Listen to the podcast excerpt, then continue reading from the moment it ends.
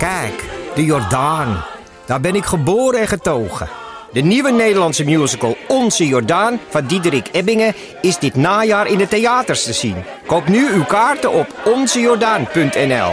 We leven in een wereld vol problemen. Het milieu gaat kapot. Burgers radicaliseren aan de lopende band. Poetin is een dictator, Biden is dement, Trump is een crimineel. En de tuin van Huberto Tan schijnt een zootje te zijn. Dus dit is het moment voor twee comedians, Vera van Zelm en Sander van op Zeeland, om de wereld te veranderen. Alles moet anders. Alles moet anders.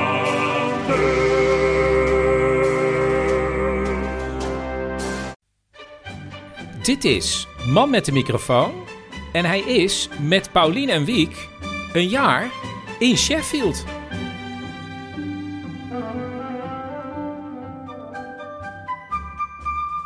En we beginnen in onze kleine huiskamer. Jij zei net tegen mij, zullen we zo meteen naar het recyclingstation? Want het laatste grote kartonnen werk moet nog weg, toch? Ja, we houden nog wat karton achter. Vooral het kleine karton moet weg. Want het ja, grote karton, daar willen we eigenlijk grote schilderijen van maken en aan Ja. de muur hangen. En jij hebt heel veel meubeltjes gemaakt van het Mhm. karton. Ja, jij krijgt nog een prullenbak. Nou, heel goed. Ehm, even een update. We hebben eh, een auto gekocht bij een bona fide dealer. Een ja, goedkope tweedehands auto. Met de afspraak dat we die aan het eind van het jaar weer aan hem terug kunnen verkopen. Dan hoeven we dat in ieder geval niet te regelen. Nou, de- afspraak. Eh, Ik zei, ja, oh, dus maar zij... Kijk, dat ligt natuurlijk wel aan in wat voor conditie die auto dan is. Et cetera, et cetera. Dus eigenlijk kunnen zij op elk moment zeggen... Nee, toch niet. Maar dat geeft niet. oh, ik heb alleen onthouden, alleen de prijs is dan nog niet duidelijk. Maar ik vond het wel een goede... Ja. Het was een ontzettend goede dealer, hele aardige man. Ja, heel lief. Dus dat, die eh, zorg is nu minder. Ja. En het belangrijkste van afgelopen week is dat Wiek naar school is gegaan. Ja. En dat heeft ook nog wel voeten in de aarde, want eh, we wonen in een wijk waar hij op een wachtlijst staat voor een school. Ehm, dus hij is eerst geplaatst een stukje verder, op de kaart een stukje verder. Ja. Maar Maar als je daarheen wil lopen, dan duurt het 50 minuten en moet je echt door een diep ravijn. Op zich prachtige wandeling, maar ja, gewoon echt een heftige wandeling ook wel. Ehm, met de bus moet je om datzelfde ravijn heen. Dan moet je met verschillende bussen, dat duurt ook 50 minuten. En met de auto duurt het 6 minuten. ongelooflijk, ja. Ja, ja en eh, dat wel, dus... ja, nou, ik kan dus nog niet rijden hier. Ik moet dat nog oefenen. Maar jij doet dat heel goed. Maar dat zijn echt zeer steile wegen. En dat je ineens in een soort hellingproef... Met heel, op een heel steile helling moet wachten voor een voorrangweg. En dan in één keer die bocht moet maken. Nou, echt, echt heel moeilijk. Ja. Maar je doet het heel goed. Een beetje van Wiek. Met de auto ben je werkelijk binnen een kwartier in een van de mooiste natuurgebieden van Engeland, het Peak District, het eh, gebied van de Wuthering Heights. En daar zijn we al met de auto naartoe gereden om er een prachtige wandeling te maken. En toen hebben we onderweg dit opgenomen: het geluid van krekels. En daar had Wiek nog een weetje over. Kre- krekels, alleen de mannetjes van krekels, eh chirpen zeg maar. Dat doen ze door hun vleugels volgens mij eh, aan elkaar te schuiven, schuiven. En zo lokken ze vrouwtjes. Vandaar dat de vrouwtjes dus niet chirpen. Misschien kunnen ze het wel, maar ze doen het niet echt.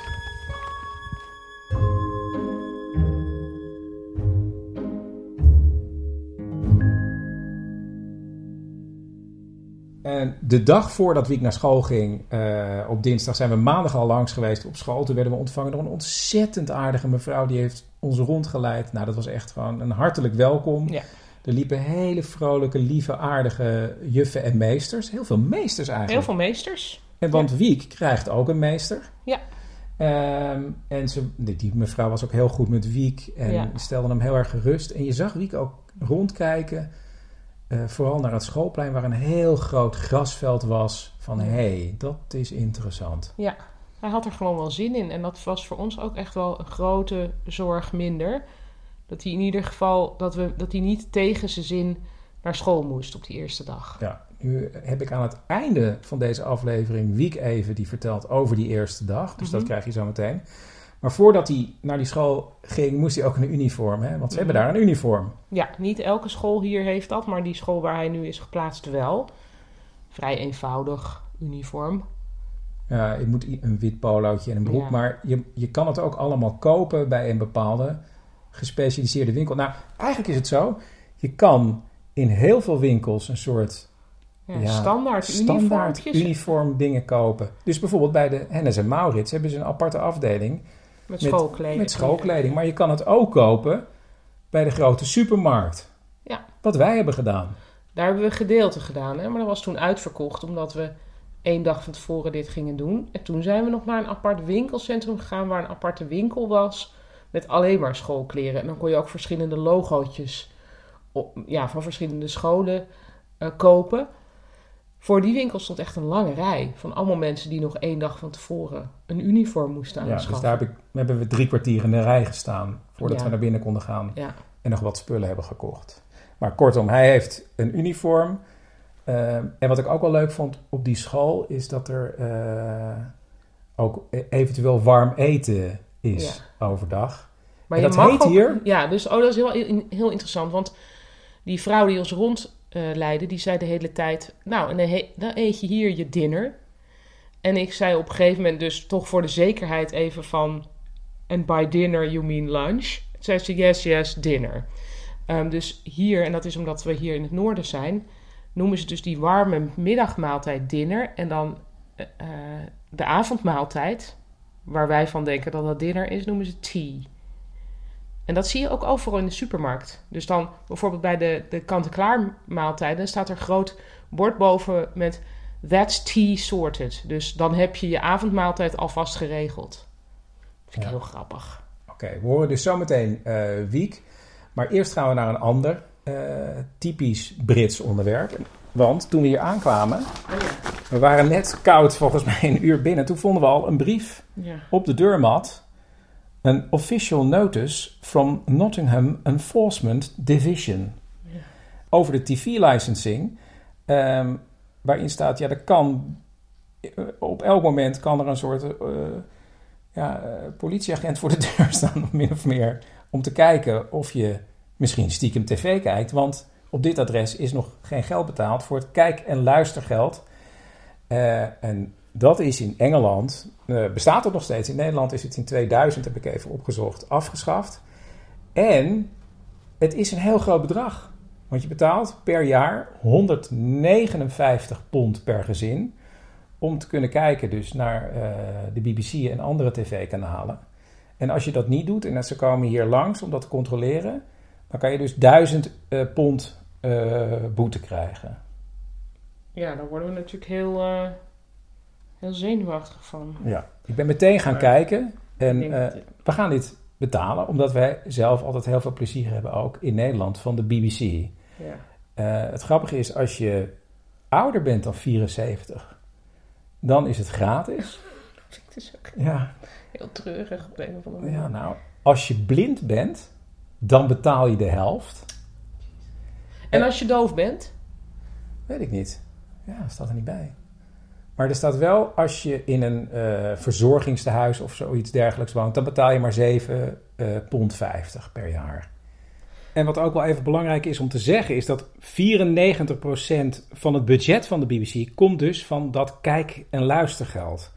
En eh, de conservatieve partij Engeland wil er al jaren van af.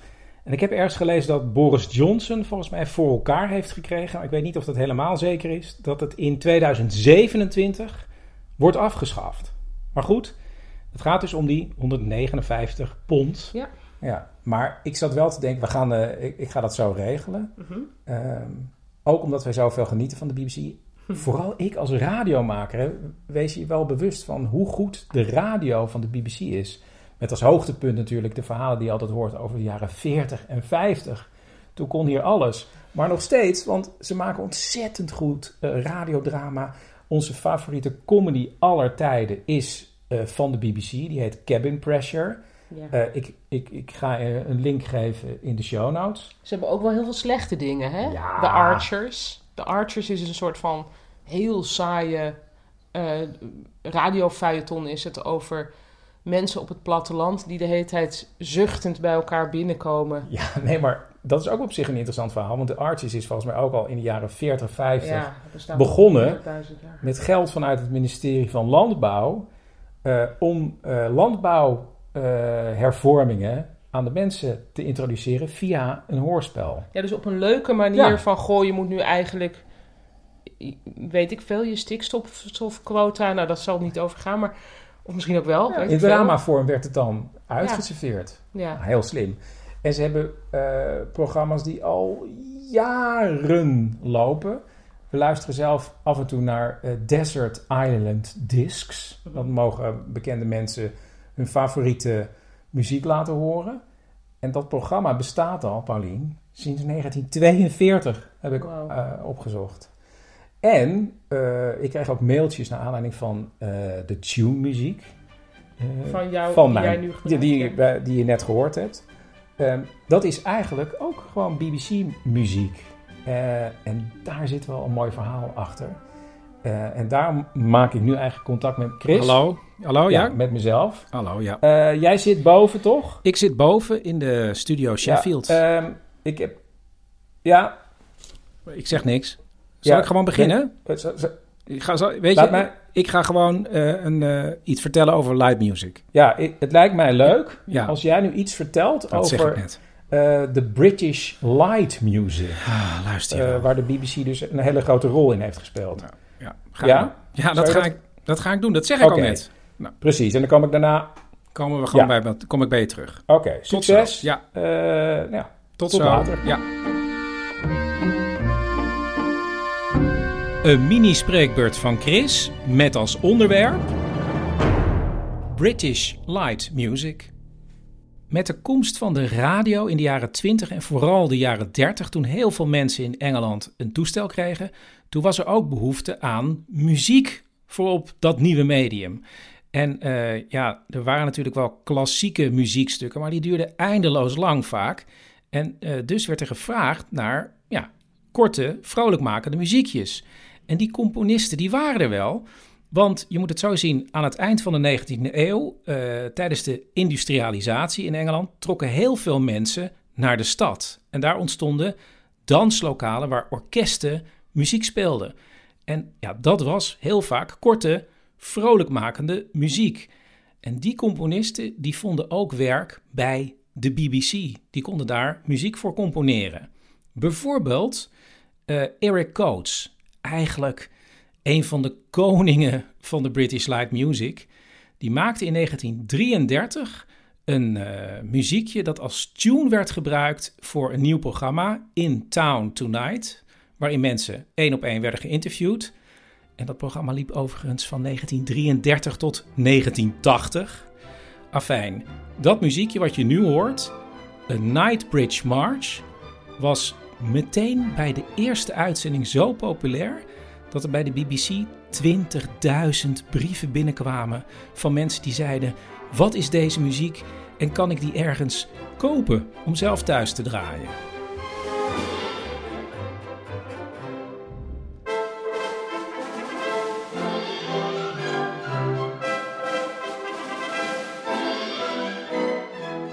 Aan het begin van de Tweede Wereldoorlog introduceerde de BBC een nieuw programma getiteld Music While Working. Gewoon arbeidsvitamine dus. Een programma dat liep van 1940 tot 1987. Maar het programma was opgezet om eh, muziek te hebben in de vele fabrieken waar gewerkt werd voor de oorlog. Onder andere werden er bommen gemaakt of eh, mensen waren bezig met naaimachines om parachutes in elkaar te zetten. En daar vroegen ze ook Eric Coates, diezelfde componist, om een muziekje voor te maken. En dat is deze tune en die heet Calling All Workers.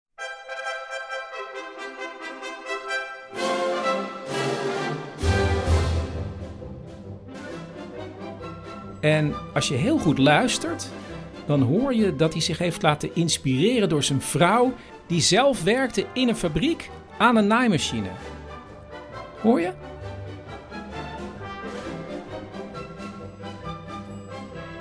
Nu had de BBC zelfs onderzoekers die naar de fabrieken gingen om te kijken welke muziek het het beste deed daar. Dus het moest vrolijk en uh, upbeat zijn, maar het mocht niet te snel. Dus het moest ook een aantal beats per minuut hebben. En diezelfde upbeatheid was ook gewenst bij een programma wat in 1946 begon na de Wereldoorlog, namelijk Housewives Choice, waarin huisvrouwen muziekjes konden aanvragen die dan weer gespeeld konden worden ook door een van de, let op, acht volledige studioorkesten van de BBC. Ze hadden acht orkesten, waarvan er één orkest elke vrijdag muziek speelde voor iedereen. Want dat was natuurlijk ook zo. Er waren niet zoveel kanalen nog. Dus die orkesten moesten muziek maken waar het hele gezin naar kon luisteren. Ja, toen kwamen de jaren 50 en 60 en langzamerhand werden de orkesten verdreven door de popmuziek. Hoewel er nog steeds dus een studioorkest is hè, van de BBC. Maar ja, de popmuziek heeft het uiteindelijk toch wel overgenomen als meest belangrijke muziek. Maar de laatste opleving kwam ja, eind jaren 50, begin jaren 60 met het orkest van Mantovani. Eh, die muziek ken je wel. Luister maar even.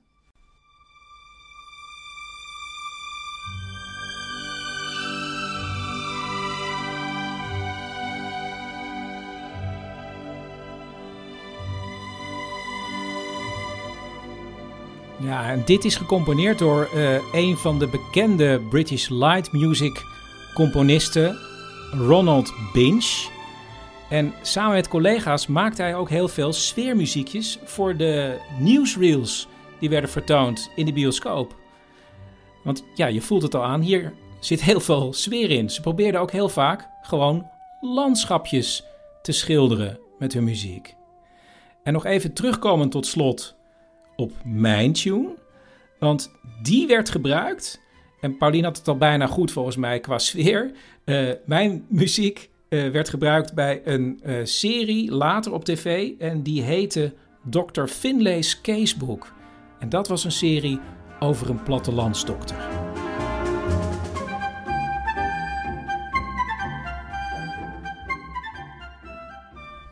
Tot zover dus de British Light Music. Paulien, nu gaan we luisteren naar wat ik heb opgenomen op de avond toen hij op zijn bed zat met Wiek, uh, naar aanleiding van zijn eerste dag op school.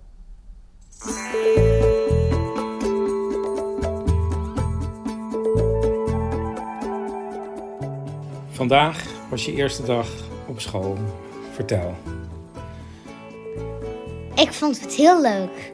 Aan het, aan, we hebben iets van voor mijn gevoel vaak drie pauzes. Dat zijn er eigenlijk twee. Want je hebt eigenlijk midden in een pauze, dan ga je eten. Dan zit je aan die tafels en denk je, ik zit in een film. Omdat wij Nederlanders natuurlijk vaak gewend zijn aan gewoon in je klas eten. Maar daar gingen we dus met z'n allen zo'n zaal in. Sommige kinderen gingen in een rij staan. Ik had brood mee. Wat voor een rij was dat?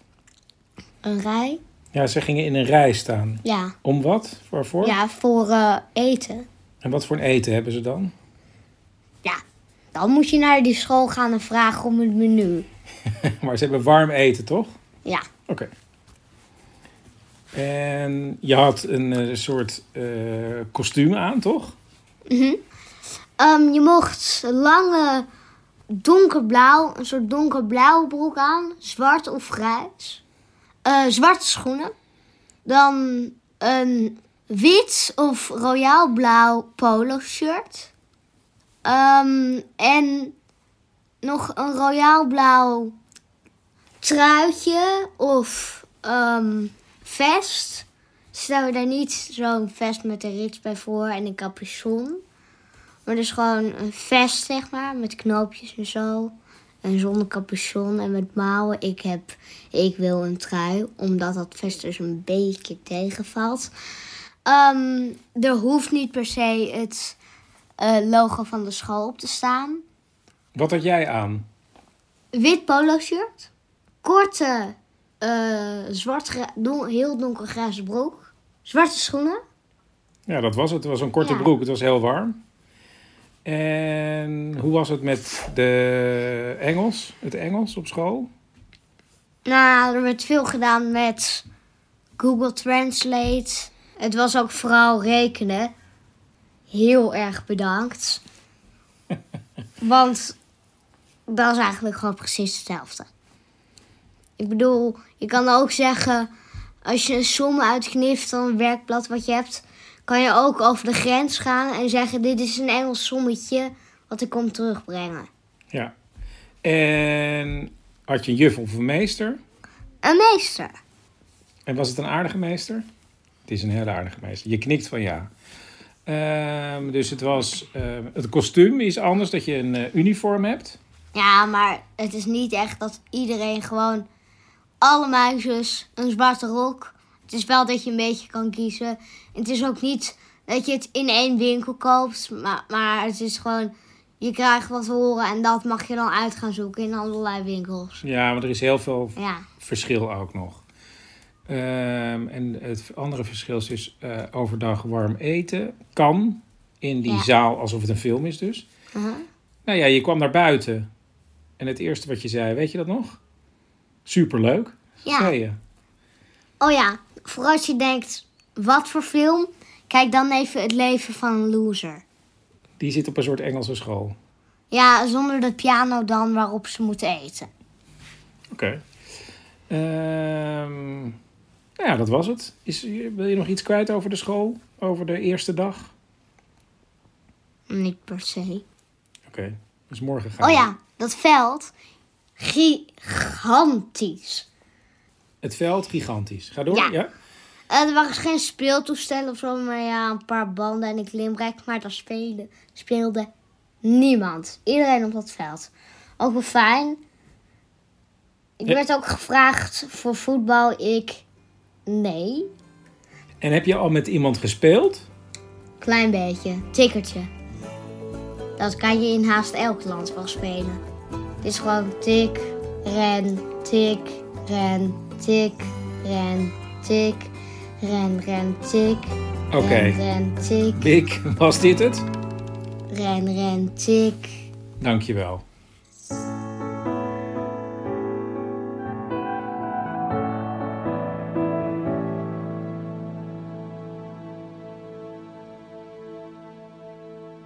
Tot zover Wiek. En eh, we zijn nu een paar dagen verder. Nou, we waren natuurlijk heel blij met die eerste dag. Maar, zoals ze hier zeggen, it's early days. Dus je kan er nog niet te veel conclusies aan Nee, verbinden. hij zal waarschijnlijk na, ook twee- na dag twee was hij doodmoe. doodmoe. En hij zal Wat ik, waarschijnlijk oh, ook ik zou zelf terugval zo, krijgen. ik zou zo, moe, ik zou zo moe zijn van wat hij moet doen. Maar ja, hij vindt ja, tot nu toe toch wel lollig. Ja, en hij gaat nog steeds dapper. eh En ook wel wel het gemutst. schoolplein op. Ja. Ja. Wat ons wel opvalt is... ehm, in Nederland loopt iedereen de school in en uit. Maar hier mogen we eigenlijk, moeten we buiten het hek staan. Ja, en dan gaan, ze met, dan gaan ze met hun groep naar binnen. En dus ja, wij hebben een rondleiding gehad op de school, maar dat is het volgens mij. Andere waar- ouders weten ja. we eigenlijk niet. Nee, ik zou niet weten wie er dan ook verder in zijn klas zitten, welke ouders daarbij horen. Is er De een ouderavond? Geen idee. Ouderavond, geen idee. Ehm, en ik heb nu ook al de indruk, maar misschien is, het, is dat onzin, maar dat in Nederland dat je toch eigenlijk vanaf dag één al wordt gezegd van we hebben ouders nodig die helpen met het versieren voor de school of Voor als Kerstmis, kerst of ja. Sinterklaas of zo. En ik heb zo'n beetje, het komt hier allemaal veel meer over als oké, jullie doen de school en wij, eh, wij bemoeien ons daar niet mee. Ja, ik ben wel benieuwd of we überhaupt... Ik vind Of het altijd we, of we zijn per ongeluk gewoon niet. Buiten het systeem. Ja, dat kan dus ook. Nou, ja, ik ben altijd wel geïnteresseerd in andere ouders. Maar dus ik hoop wel dat op een gegeven moment die ook ontmoeten. Maar we moeten daar misschien zelf, we moeten natuurlijk eigenlijk zelf dan ook heel outgoing op het schoolplein zeggen van Hey. hey, hello, Ja, ik vraag, from me- the Netherlands. ik vraag de hele tijd aan wie ik zie je al kinderen. Want dan hoop ik dat ik... Dat je weet welke ouder daarbij ja, hoort. nou, dat, dat gaat zich ook allemaal wel Maar ik vind ook vanwege al die uniformpjes toch moeilijk uit elkaar te houden. Heel veel opgeschoren kopjes. Ja. Ik vind het heel moeilijk om echt te zien wie wie is. Maar dat zal wel wennen. Ja, vond ik ook heel schattig. Ik vroeg eh, eh, aan Wiek, kun je misschien dan vandaag één naam van iemand uit je klas onthouden? En toen kwam hij echt terug. Toen zei hij Timo. Geloof ik Ja. dat hij zo heet. Oké, ehm, nou dat was het voor deze week. Want eh, ik denk dat we volgende week misschien gaan hebben over dat we zelf hier aan het werk zijn gegaan. Mhm. Ehm, dus ik zou zeggen, tot volgende week. Tot volgende week.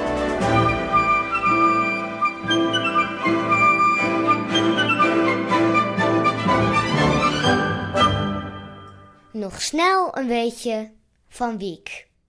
Als je in de woestijn water vindt, dan, dan denk je water Maar als je dan een doorzichtige fles hebt, moet je het in die fles doen, dat water. En dan moet je het een beetje ergens op een heel zonnige plek laten staan. En eh, omdat het ultraviolet licht, een soort licht, gaat dan door die doorzichtige fles heen en doodt die bacteriën. Ja, dat was hem.